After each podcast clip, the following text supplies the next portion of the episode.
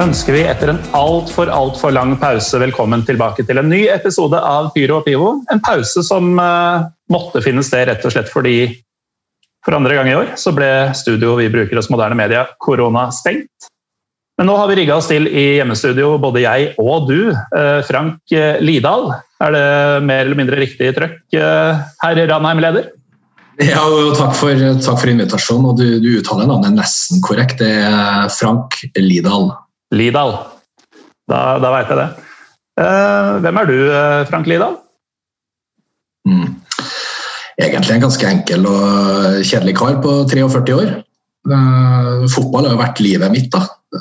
Først som spiller på et ganske lavt nivå frem til jeg var 20, og deretter som fotballeder i 23 sesonger ti år i moderklubben Kolstad og deretter tolv år i eh, toppfotball. Ja, for det er jo toppfotball blitt. Eh, det som mange fortsatt nesten ser på som en, eh, en sånn kompisgjeng i en bydel i Trondheim.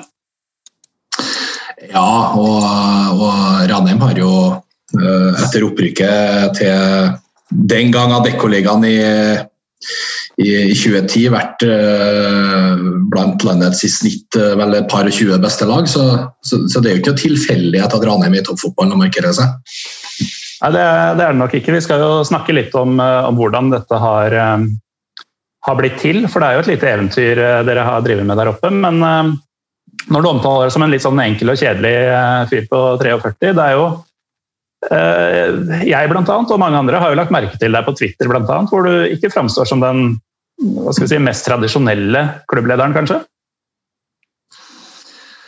Det kan du si. Ehm, for folk ut, på utsida så, så, har det jo blitt noen sånne saker og meningsutvekslinger der, der det har blitt til at Frank raser og Frank tordner, og at jeg ser litt sånn streng og sint ut. da. Eh, men først og fremst er jeg jo genuint opptatt av å være med å skape og har lyst til å få til ting og eh, utvikle det som er, ligger mellom mennesker, for å få til noe som kan bli bedre enn enn man forventer. Og så har jeg ganske, mener jeg selv, en godt utvikla rettferdighetssans. Jeg er opptatt av verdier, jeg tror på kultur. Og, når noe skjer som bryter med rettferdighetsprinsippene jeg representerer, så, så, føler jeg ofte for at, uh, flagge mine meninger.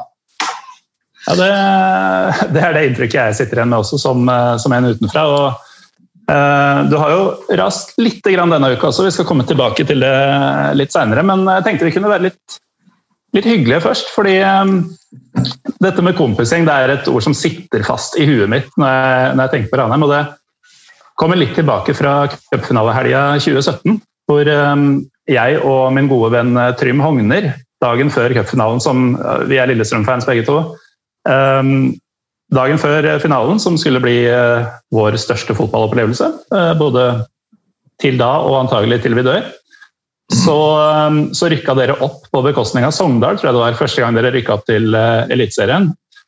Mm. Og det ødela nesten lørdagskvelden vår.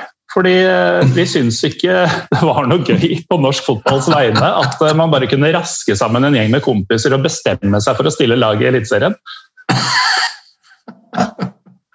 Men det er, det er, vel en sannhet med modifikasjoner, eh, dette med at, at, det bare er en gjeng med kamerater som møtes etter at de er ferdig med skiftet på kassa på Kiwi for å spille fotball? Ja, det er Eller på ekstra, mener jeg. Sorry. Ja, ikke minst.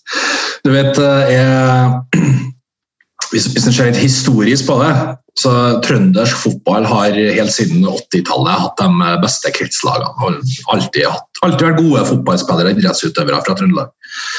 Um, I 2006 så, så fikk jo Ranheim ble jo gitt en posisjon av Rosenborg som var veldig opptatt av å tette det gapet bak seg og mellom og de nest beste ved å ha en klubb eh, med, med en ambisjon om å være på det nest øverste nivået for trøndere.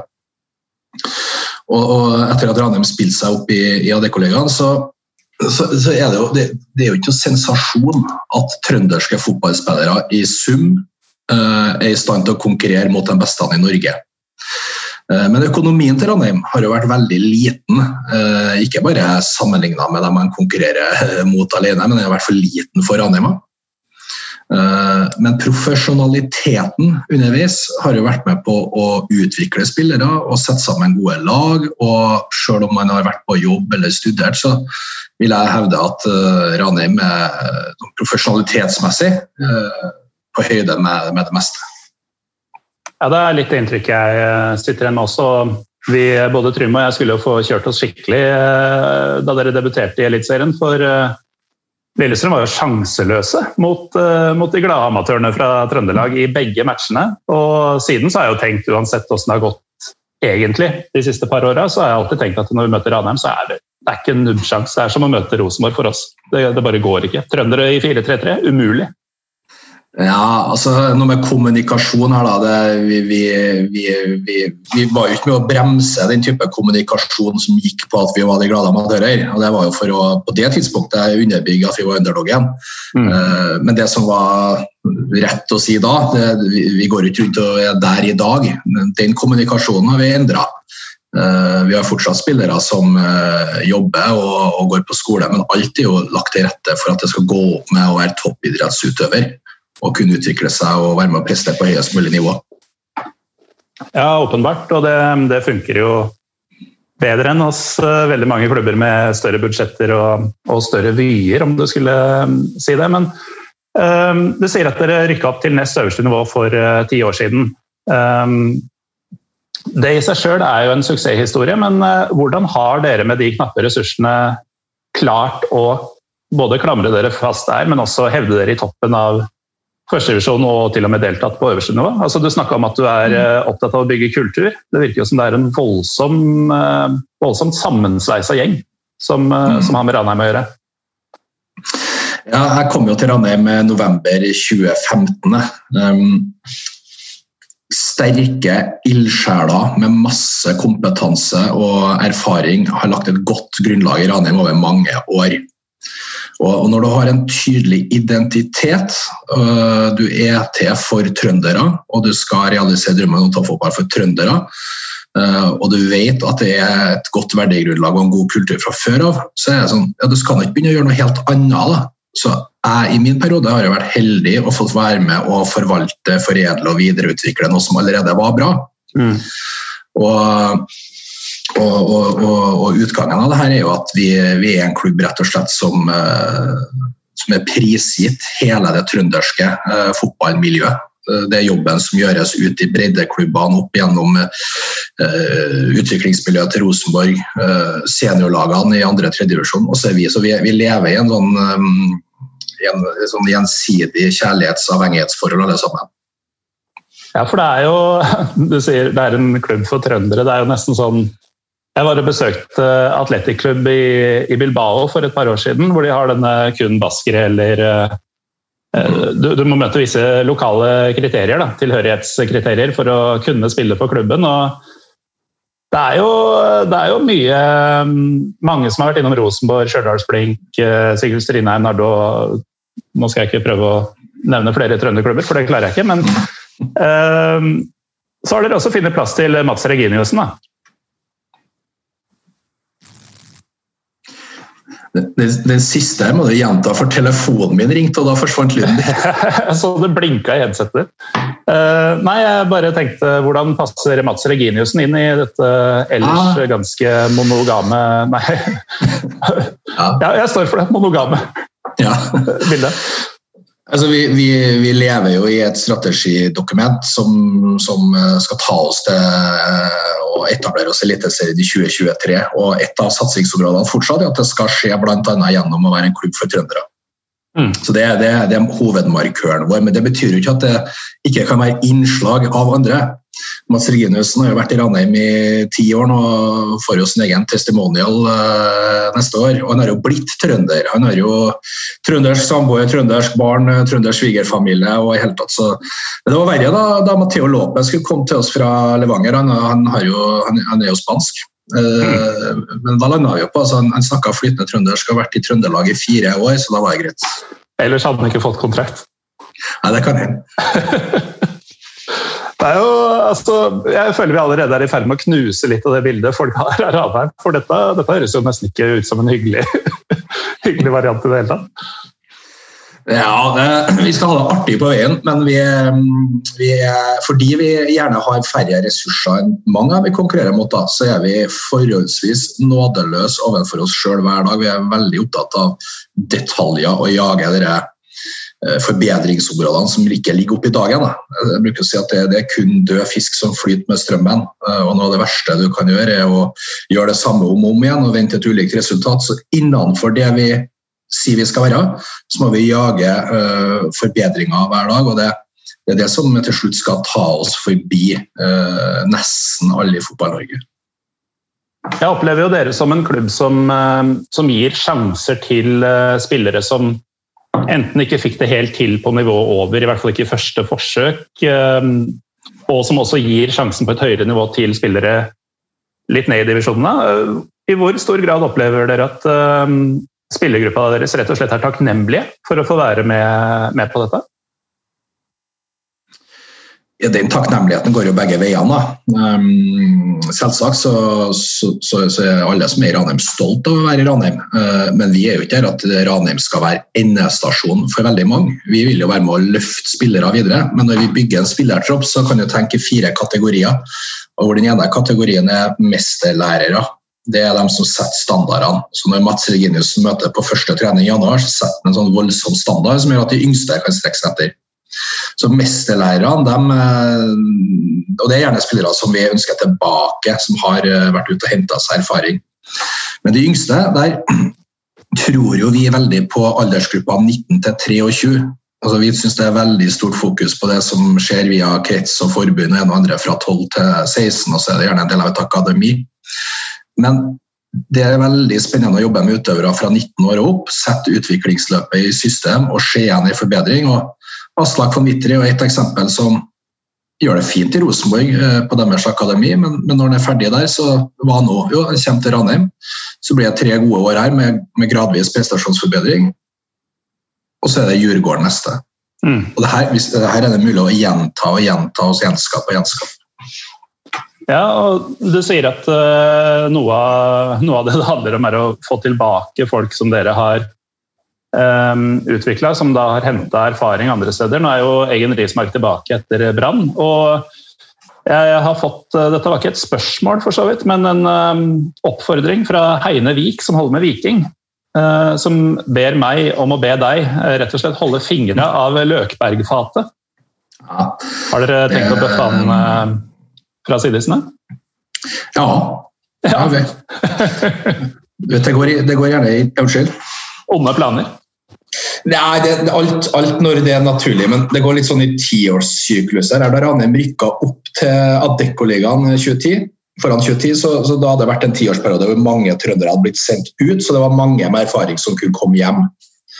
Og Så ble det tappa, men de siste årene så har vi begynt å sende trøndere ut igjen. Og så vil jo de eh, eh, nå og da, eh, når timinga er rett, være, være, være, i posisjon til å komme hjem igjen. Nå kommer Kristian hjem. Så har vi Løken. Så Løken er jo verdensklasse. Det, det, det var synd nesten at det måtte et opprykk til for Ranheim for at resten av Norge skulle bli kjent med Løkberg. Sånn sett kan du si det var synd at vi rykka på, for Kristoffer Løkberg er den, den jeg ville ha valgt først hver gang. Så er det masse andre spennende trøndere ute her. og Du har eh, Torgill Gjertsen som er i Polen, og han må jo hjem snart. Så har vi noen i Kristiansund, og så har vi et par i Tromsø. og ja, Masse trøndere. Trøndere overalt. Jeg må si Det er fascinerende for en som, eh, som holder med en holdt på å si, tradisjonell toppklubb, og, og som er vant til at lagene rundt også er på det nivået. Uh, å høre åssen du snakker om trøndere, at det nesten på en måte er er pri én, når dere samtidig snakker uh, høyt om å etablere dere i toppen av norsk fotball? Men da, da er vi tilbake til hvis, hvis vi skal legge altså det, Økonomi betyr jo veldig mye. Hvis Ranheim skal legge seg i løypa blant de andre klubbene og skal rekruttere spillere inn, da, som alle andre klubbene, da, da havner vi sånn, det, Først så blir det Rosenborg, og så blir spilleren tilbudt Lillestrøm, og så blir spilleren tilbudt Ranheim til slutt. Vi, jo, vi, vi, ser på det som et konkurransefortrinn at vi gjør noe annet. Og det er vår mulighet. Ja, det tror jeg er et godt poeng. og jeg tenkte å spørre deg, Nå trenger du ikke å svare så ærlig på dette. Da. For det vil jo kanskje skade deres konkurransefortrinn. Men hvis du ser på hva f.eks. Brann, som har henta spillere, trenere i hytt og gevær de siste årene uten å få spesielt mye igjen for det, må det være lov å si. Eventuelt andre store klubber som sliter. Altså, hva ville vært ditt beste tips til de som driver ja, spillelogistikk og lagbygging kanskje først og fremst i sånne klubber? Det vil ikke jeg gjøre meg til noen sånn eh, fasit eh, på. Eh, og Dessuten så er det veldig ulikt fra sted til sted og klubb til klubb og en og andre.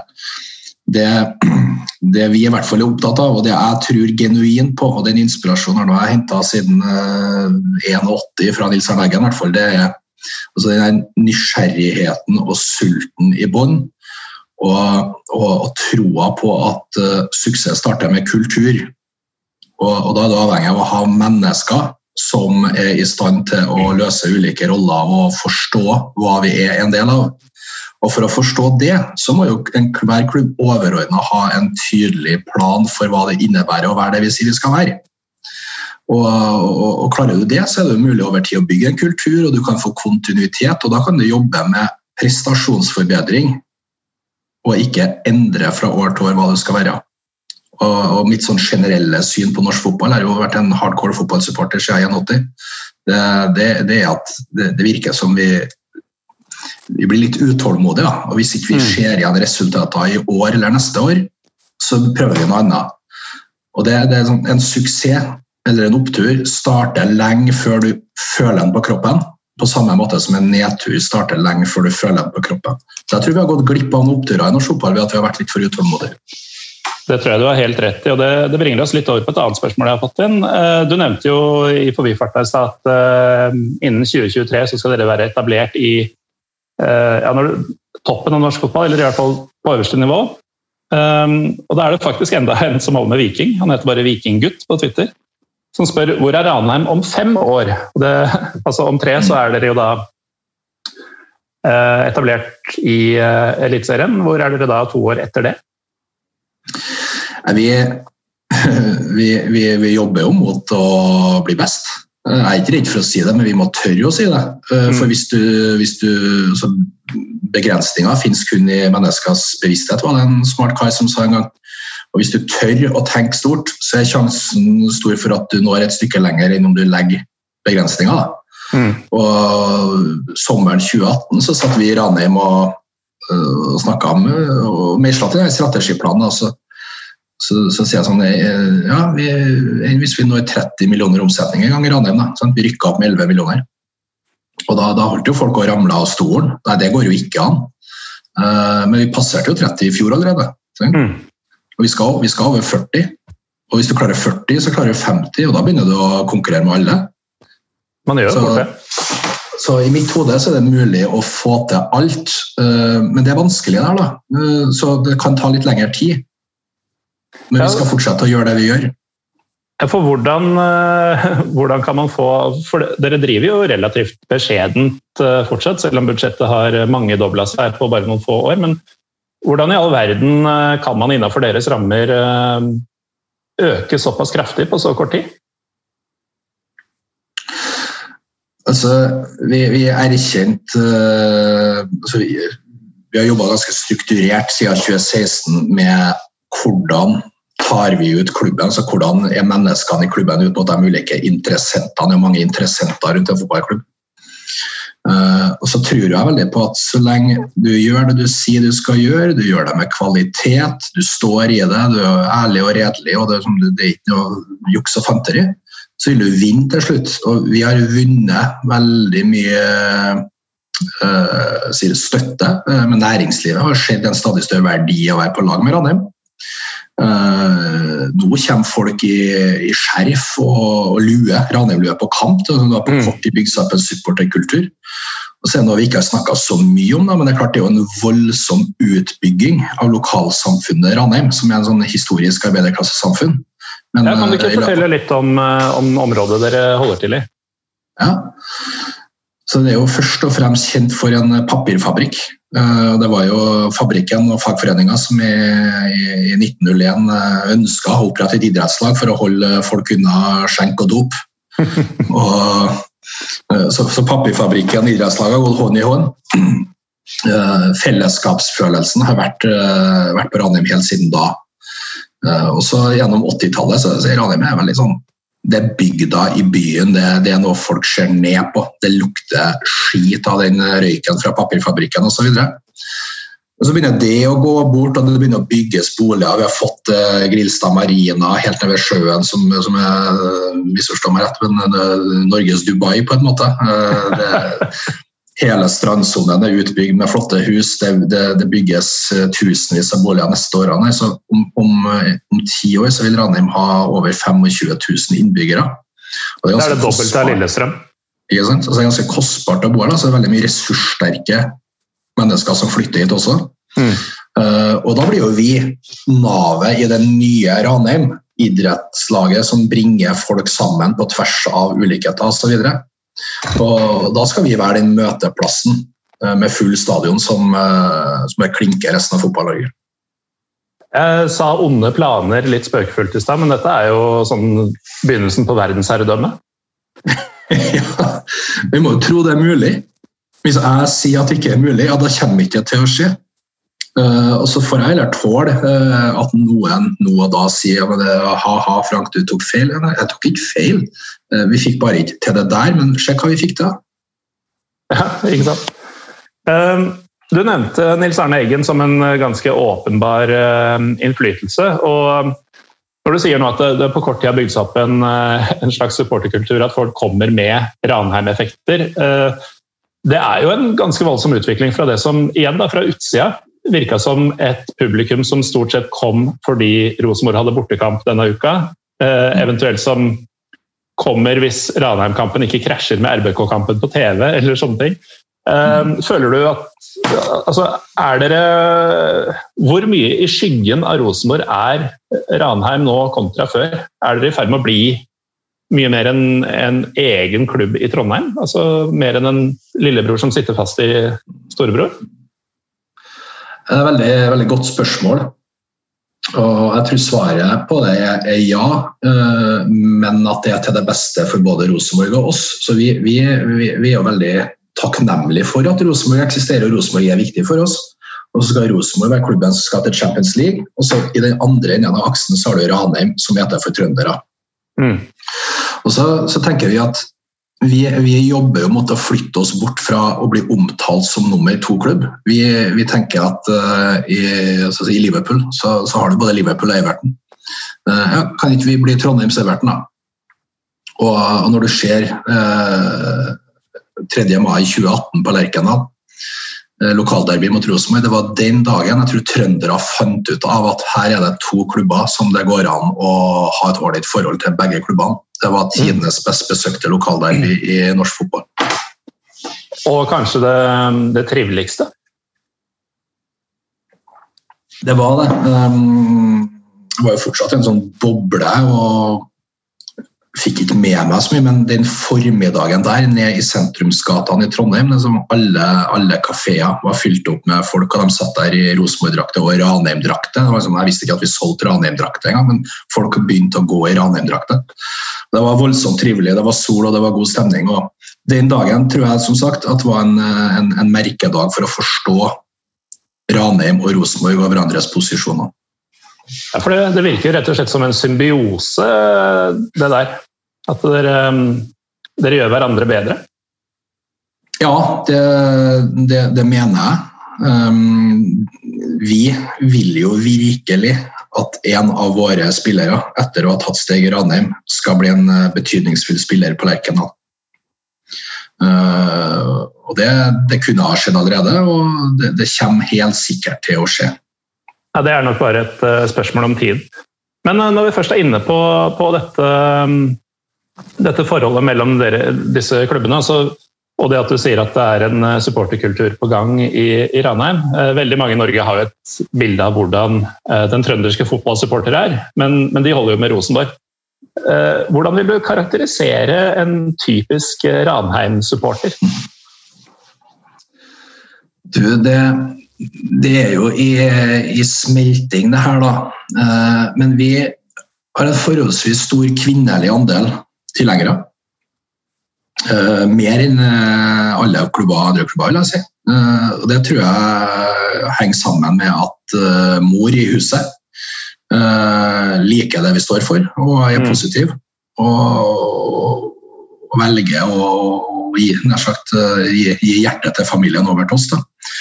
Og så har vi jo en, en, en stadig voksende gruppering med unge som følger med mor og mm. far. Mm. Så et yngre Eh, publikum enn eh, mange andre, det, det, vil jeg si. Hvordan er håper å si, karsk og himkok frekvensen blant Ranheim-fans kontra Rosenborg f.eks.? Det har ikke jeg grunnlag for å si. Jeg drakk karsk én gang på 90-tallet. Jeg var holdt på å gå i vei, så jeg lukter i hvert fall, eh, Den lukta kommer jeg aldri til å glemme, og den lukta kjenner jeg i liten grad på Ranheim. Ja, nei, vi, vi sørpå tror jo at dette er det trøndere driver med. Ja, ikke sant. Men det er kanskje det julekalender som satte spor. Ja, nei, vi nøyer oss med Vi er glad i øl. Ja. ja, der er vi jo nesten Der er vi jo ganske like, faktisk. Mm. Mm. Men uh, altså Nå er dere jo på en måte Dere vil ikke være nummer to-klubben. Dere er eh, noe annet enn Rosenborg, sier dere. Eh, tilbake til igjen Trym Hogner og meg, som eh, ofte spøkefullt omtaler dere som RBK2 og Stjørdalsblink som RBK3. Mm. Eh, stemmer det at eh, flere av spillerne deres er eh, RBK-supportere? ja, det stemmer. Og, så det er jo jeg i bånn òg. Jeg debuterte på Lerkendal i, i 81, fire år gammel. det må være helt enormt for disse å faktisk møte RBK? da? Ja, det, den dagen i 20, 2018, og for så vidt i 2019 òg. Det er stas å komme til Lerkendal. Og så er det noe sånn at vi eh, akkurat da er konkurrenter, og du kjenner liksom ikke på en sånn eh, Det er ikke noe annet å være der enn på Brann stadion eller hos Stjørdalsblink da, for da er det kamp. Mm. Men, eh, men, eh, utover det så, så unner jo vi Rosenborg alt godt. Selvsagt. Det er viktig for Ranheim at Rosenborg er sterk. Ja. Det er, det er nesten sånn eh, politisk samarbeid-prat. Det er viktig for Høyre med et sterkt Venstre osv. Men noe som ikke si, var like, like, positivt, var jo eh, da dere for en tid tilbake ehm, spilte bortekamp mot Øygarden. Eller prøvde å spille bortekamp mot eh, Øygarden, eh, er kanskje mer riktig å si. Kan ikke du fortelle litt om, om hva som skjedde der? Ja, det var det starta jo egentlig onsdagen før da, med at uh, været var så dårlig um, at kampen deres mot Kongsvinger ble flytta innendørs. Mm. Og den, den værmeldinga for uh, kamptidspunktet vårt det var enda verre. Så dialogen med NFF gikk jo i forkant på at her, her, her, er mye som tyder på at det er fornuftig å flytte kampen inn, også av sikkerhetsmessige årsaker. Og den dialogen uh, gikk gjennom helga. og på formiddagen på søndag så, så, så, er det altså da dommeren som, som, som, jo i henhold til regelverket er NFFs bemyndigede person og skal ta en beslutning om kampen skal gjennomføres. Og Det sier jo han eh, ja til, da, for banen så bra ut klokka tolv. Værmeldinga skulle jo ikke slå inn for to, eh, og det gjorde det jo. Og Da blir jo feilen at dommeren står ved beslutninga, og NFFs kampdelegat uh, vil ikke blande seg inn. Og den telefonsamtalen jeg hadde med Rune Pedersen eh, en halvtime før kampstart, der, den, eh, den etterlot i hvert fall ingen tvil om hva vi mente om det. Eh, men kampen ble spilt, og i pausen skulle gjøres en ny vurdering, men den ble fullført. og ja, det, ble 90 minutter hvor begge lag egentlig ikke fikk et fair grunnlag å kjempe mot hverandre på. Men Du sier kampdelegaten ville ikke blande seg inn. Er det ikke akkurat det kampdelegater skal? Ja, det, det, kan du si. Eh, vi var jo i en, eh, en, en litt lik situasjon i vår planlagte serieåpning i 2018 hjemme mot Brann. Veivalgskampen? Veivalgskampen, hvor, eh, Og den banen bare for å si det, altså, var tusen ganger bedre enn uh, den pågående. Men da også er det jo dommeren i 2018 som, uh, som tar den beslutninga. For meg så forteller jo at ja, vi, vi, vi, vi syns ikke det er noe å hente i det regelverket der på hvordan vi behandler situasjoner som måtte oppstå rundt dårlige spillflater. Og det, det, er for meg forunderlig at man ikke lærer å søke forbedring for jeg syns det er altfor tynt at en dommer skal stå igjen der. Eh, ja, kampdelegat, men det må jo være én. Eh, jeg ville ha tenkt som leder i NFF at eh, ok, kanskje vi skal sette sammen et sånn team da, som sitter og monitorerer spesielt vårkamper og høstkamper, hvor ting naturlig kan skje. Mm. Sånn at det er en forutsigbarhet i det her. da. Ja, hvis, vi har ikke kommet noe lenger. Nei, åpenbart ikke. og, og hvis en Øygarden-kamp, eh, eller den Kongsvinger-kampen du nevnte tidligere, faktisk ble flytta innendørs, så var det både tidligere på året og med en mindre heavy værmelding. Så den røde tråden er jo vanskelig å spotte for, eh, for meg, i hvert fall. Ja, og det større bildet. fordi selv om det er ganske tørt klokka tolv, hvis Eli Kari Gjengedal har sagt at klokka to så blir det krise, da blir det så, klokka to, da. Ja, det er en sjanse for det. da. Hun kan i hvert fall ringe og høre. Og så, og så er det jo flere tapere i det her, for uh, Øygarden sa jo etter kampen at de syntes det var riktig at den ble gjennomført, men vi må tenke lenger. Nå kan jo ikke de spille på en bane enn uh, kanskje for neste sommer. så Det var helt ødelagt.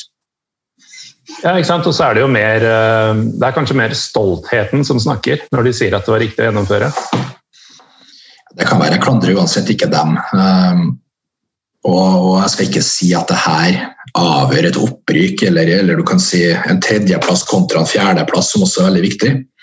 Men rettferdighet er jeg opptatt av, og jeg opplever at det litt for ofte uh, skapes en følelse av urettferdighet når, uh, når, når, NFF er involvert og kommuniserer, enten det med supportere eller klubber eller hva det er. Og det, det er så lite som skal til for at vi er på samme frekvens.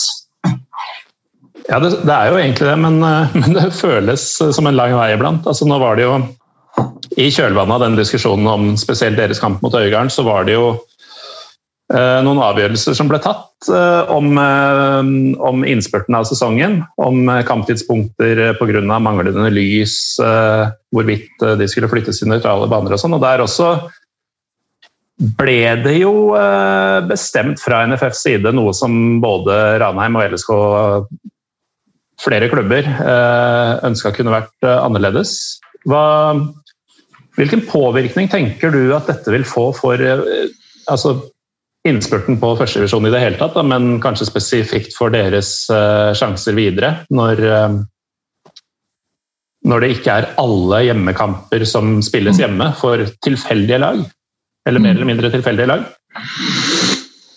Ja, det, det, blir, det, blir, litt spekulasjoner. og vi, vi, må da, litt sånn kjedelig sagt, eh, først og fremst være gode nok sjøl.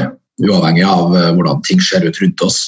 Men den, eh, den, de to siste serierundene, eller siste serierunden, den, den, den, tror jeg vi må uh, altså Klubbene har sett seg lei over år på at, uh, at mange klubber tar investeringer med lysanlegg og mm. dermed har mindre penger til drift, mens noen har utsatt og utsatt og utsatt, og bruker de pengene til drift. Det, det er jo urettferdig. Ja. Så her, jeg var ikke involvert i det her tidligere år, jeg tror det var før vi rykka ned at det ble beslutta at nå er nok i år. Så enten så skaffer jeg lys, eller så må du ha over på reservearena. Mm. Uh, og neste år er det jo definitivt sementert. Da, da er det har ikke lys, finner jeg en annen bane. Mm. Så, så, har jo NFF bare forvalta det vedtaket. Um, og, men jeg skjønner veldig godt Lillestrøm, som akkurat her vi står nå, så er jo et av lagene virkelig involvert. Strømmen, mm. Tromsø, ikke Ja, ikke sant? Uh, og det kunne jo vært løst opp, ja, for vi vet jo hvem klubber det er som ikke har lys. Mm. Så, hvorfor sette opp dem hjemmebane i siste serierunde? Det, det, det, det, er små ting som skal til for å sørge for at vi er på samme frekvens, så slipper vi en del sånne uenigheter. Ikke sant. Um, men uansett hvem man skal skylde på hvor, hvordan dette skjedde, sånn, så vil det jo få potensielt en, en påvirkning på innspurten i en veldig jevn og spennende serie. Um, når vi sitter her i dag, så er det vel omtrent et døgn siden dere slakta Jerv um, med 5-0. Mm. Og um, ligger jo uh, Altså, kvalikplassen kan nok ingen ta fra dere, men, men, hvordan ser du for deg opprykkskampen og sesonginnspurten for uh, Ranheim selv? Hva er, hva er målet, og hva er sannsynlig? Vårt mål før sesongen var å kjempe om opprykk. Um, og så er vi nå først og fremst opptatt av å se igjen at vi utvikler prestasjonene våre. De har jo, de har jo ikke vært stabilt gode den siste perioden. Uh, men det vi først og fremst etterstreber nå, det er jo å være på det nivået vi var i går, de siste seriekampene. Mm. Og da, da, er det jo realistisk at det er den tredjeplassen vi kjemper om og, og ønsker oss. Fordi det vil jo gi noe sånn på papiret i hvert fall fordeler i kvalifiseringa. Eh, de to øverste plassene de er bare å dele ut til Lillestrøm og Tromsø. Nei, det er Tromsø, får, si, altså. Tromsø får litt ekstra drahjelp da, i og med at de får kunstgress både mot Øygarden nå, og kanskje en bedre kunstgressbane mot Strømmen. Enn Mest sannsynlig. Ja, for den kunstgressbanen til Strømmen den, den er ikke all verden, heller. altså. Nei, den er ille, altså. Kan, kan, vi ikke bare bruke noen minutter på, på, at du forteller hvor fæl den banen til Strømmen er? Jeg har Strømmen er en fantastisk eh, hyggelig klubb å komme til, jeg må si det først. Og så, så er Strømmen et bilde av hva man skal håndtere i denne ligaen. Du kommer dit, bussen parkerer, du skal tråkke over noe grus og du skal gjennom noe leire og jord, og du kommer inn i verdens verste bortegarderobe. Du ligger nesten under 1-0 hvis ikke du er forberedt på det her. Og så kommer du ut på, på kunstgresset, og det, eh, det lugger. Og så er de på som F i 90 minutter og plager deg. Og jeg tror jeg har vært på Strømmen stadion i ti år. Jeg tror ikke jeg har vunnet en kamp. Nei, det, det, er litt sånn det føles. Nå vant jo mitt Lillestrøm 4-1 tror jeg det var for et par måneder siden, men det føles ikke som om det noen gang fant sted. Fordi når jeg tenker tilbake til matcher mot Strømmen, så er det alltid sånn forsmedelige cuptap. Og det er umulig å unngå tap på Strømmen stadion. Ja. Det sitter dypt eh, for dere der, forstår jeg. Han, eh, Tommy Tass han omtaler dem med postnummer. Eh, gjør alle det, eller? Det er veldig mange som gjør det, men gjerne litt, litt eldre folk, da, som Tommy Tass f.eks. Ja. Det er, det er sånn gammelt rivaleri mellom Strømmen og Lillestrøm som, som, jeg aldri på en måte har vært en del av. Strømmen har aldri vært relevante før, før denne sesongen egentlig, for Lillestrøm-supportere i min generasjon. Mm. Men, eh, men, de er jo da Strømmen er 2010 ifølge den eldre garde, og, og folk som er enda mer sånn lokalt eh, Lillestrøm-patrioter. Jeg er jo ikke fra Lillestrøm. Uh, mens Strømmen har jeg sett omtale Lillestrøm som Sumpa, og det er jo for så vidt riktig. Det er jo en, en småby bygget på en sump. Så de, de, skal ha for det. Ja, jeg husker jo godt Strømmen i Eliteserien i 88. De var jo, det var Tore Kallestad som var den store stjerna på Strømmen, hvis ikke jeg husker feil. Men Tass, Tass han, han, må dere jo statue av etter året, for han snudde jo vår sesong da jeg tok han inn under vingene mine da vi var på Åråsen. Da var jo vi gode. Eh, han hadde ikke billett, jeg sa ok, bli med meg. Og, så, og da han dro etter 70 minutter, så leda jo vi. og så, mm. Da tapte vi jo 3-1. Etter det så har det lugga for oss. Så han har jo virkelig spilt en rolle for at vi fikk snudd sesongen. For uh, alle som hører på nå, som verken kjenner Tommy Tass eller Holmer Lillestrøm, så er det en, en fyr. Uh, det må være lov å si. En, en type som eh, har en greie om å dra fra Åråsen stadion lenge før kampen er eh, ferdig. Og så er det noen som fører statistikk på hvordan det går med og uten tass på tribunen. Og den er visst overveldende positiv når han ikke er der. Jeg kan jo også nevne at dette er samme fyr som rett og slett avlyste en Turboneger-konsert i Lillestrøm på det må ha vært 90-tallet. Hvor de skulle spille på Martins. Han var ekstremt fyllesyk og skulle jobbe i baren. Og da han hørte hørte um, soundchecken til et uh, relativt ungt uh, turboneger og sa at det her orker jeg faen ikke, dere får betalt, bare drit i å spille. Så dette er, uh, dette er, det vi på Romerike kaller en karakter. Men apropos, ja, apropos, karakterer, Frank. Vi, jo, vi, spurte jo Twitter om spørsmål, og vi har fått, fått inn noe. Ikke veldig mye, men Vi må jo Altså, vi har en slags søsterpodkast, må det nesten være lov å si. Nevnte Trym Hogner og flere som driver harde mottak. De, de har jo vært og sett bortekampen mot Ranheim alle tre sesongene, av en eller annen grunn. Og falt pladask for nabolagsrestauranten Romantica. Og der har du også vært. Romantika er en, en viktig del av Ranheim-samfunnet. For, for uinnvidde, hva er romantika? Eller hvorfor er den eh, spesiell? Det er jo en, eh, en klassisk eh, si, pizzeria som man jo har mange steder, som er drevet av familien Aka. De åpna faktisk sankthans i 98. Så det var en flying start for dem den gangen. Ble det festival? Jeg har det. Så der serverer jeg dem ja, de har vel en 370 matretter sikkert da, i menyen. Ja, det må være noe sånt. Det er en fin samlingsplass. for Der er det quiz på fredager, og supporterne møtes der før etter kamp. og ja, Hyggelig. Det Harde Mottak lurer på, da, er hva er din favorittrett på Romantica av disse 370? For du har smakt alle, regner jeg med? Ja, ja flere ganger. Det svarer jeg veldig enkelt. Det er chow chow. Den halvt eh, innbakte pizzavarianten med biffkjøtt og masse bearnéssaus. Den, den, er veldig sterk. Hvis du krydrer den med en iskald pils, så, så har du en god stund. Det låter, låter syndig. Um, Nordlink86, uh, og da skal jeg faktisk oute denne fyren, fordi han kjenner alle på Twitter. Han heter Christian i virkeligheten. Han eh, lurer på hvor det ble av disse supporterlåtene deres, som eh, var så ræva at eh, de ble bra. Han har vel da ikke hørt denne Adecco Kokoko-sangen eller Ranheim på en stund. Spilles de fortsatt på stadion? Ja, vi er stolt av dem. Det er en del av identiteten. Mm.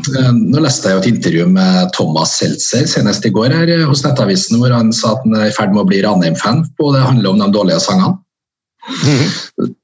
Komponisten, artisten, utøveren av de her sangene, Terje Walter, han er jo speaker. Han driver Ranheims eh, eneste kalkunfarm også. Han har ni kalkuner. altså Så, Ranheims eneste, ikke Trondheims eneste, men akkurat den delen ja, av Jeg tror kanskje det kan være Trondheims eneste. Ja, det er mye kulere å si Ranheims eneste. Ja. Han er kul, Terje, og har i alle år jeg klarer ikke å lage de beste sangene sine, så da må jeg jo lage de dårligste og gjøre dem så dårlige at de blir bra. Ja. Og han har en, når han opptrer på noen av samlingene våre, så, så kjører han en sånn medley. Han har lært seg en medley noe som varer i tolv minutter. Da er han med en seks-sju sanger. Så har han dratt et steg videre i år. Da, for sånn skåringsmusikk da, så har, han, uh, så har han funnet ulike sanger og, og, og sunget om, sånn at det har noe med motstanderen å gjøre. Det, det, høres, det, høres ikke bra ut, hele tatt, men det, det er en del av det vi er. Ja. Nei, men eh, da, da, var vi gjennom eh, Twitter-runden. Jeg har um, ikke forberedt deg på det siste her, men jeg tipper jeg får et svar uh, likevel. Um, gjennom dine år i uh, Ranheim, har du et uh, favorittminne? Eller hva er det som virkelig, virkelig har festa seg? Hvis du skulle trekke ut én eller tre eller åtte, eller hvor mange ting du vil.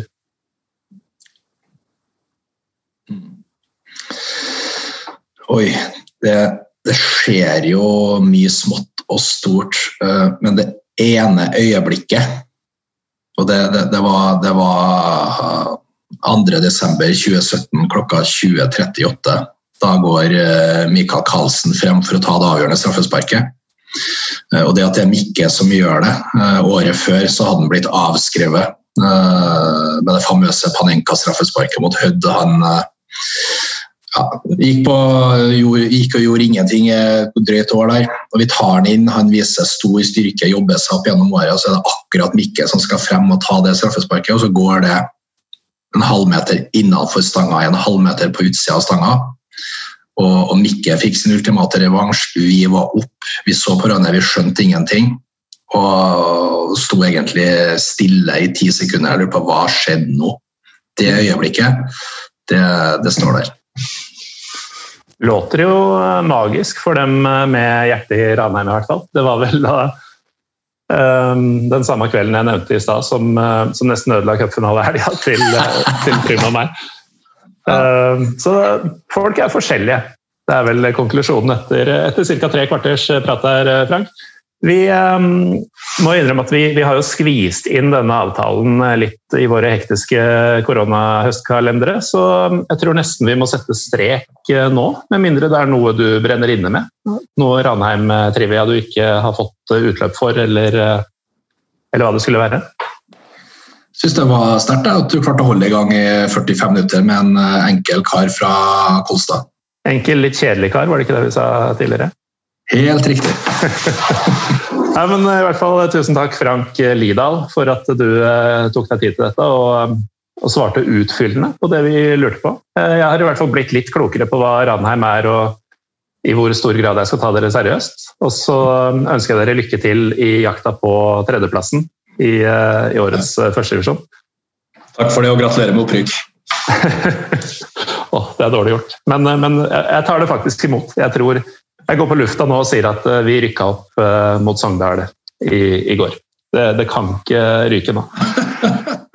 Å, fy faen. Det, det, føltes godt og fælt å si samtidig. I hvert fall uh, tusen takk, Frank, og lykke til. Uh, til dere som hører på, så, eller til deg som hører på. Jeg heter Morten Galaasen. Vi er PyroPivopod på Twitter og Instagram. Følg oss gjerne der. Vi har også en nettside, pyropivo.com, der det skjer nesten ingenting. Eh, takk for at du hører på, og vi er eh, forhåpentligvis tilbake neste uke. Ha det bra.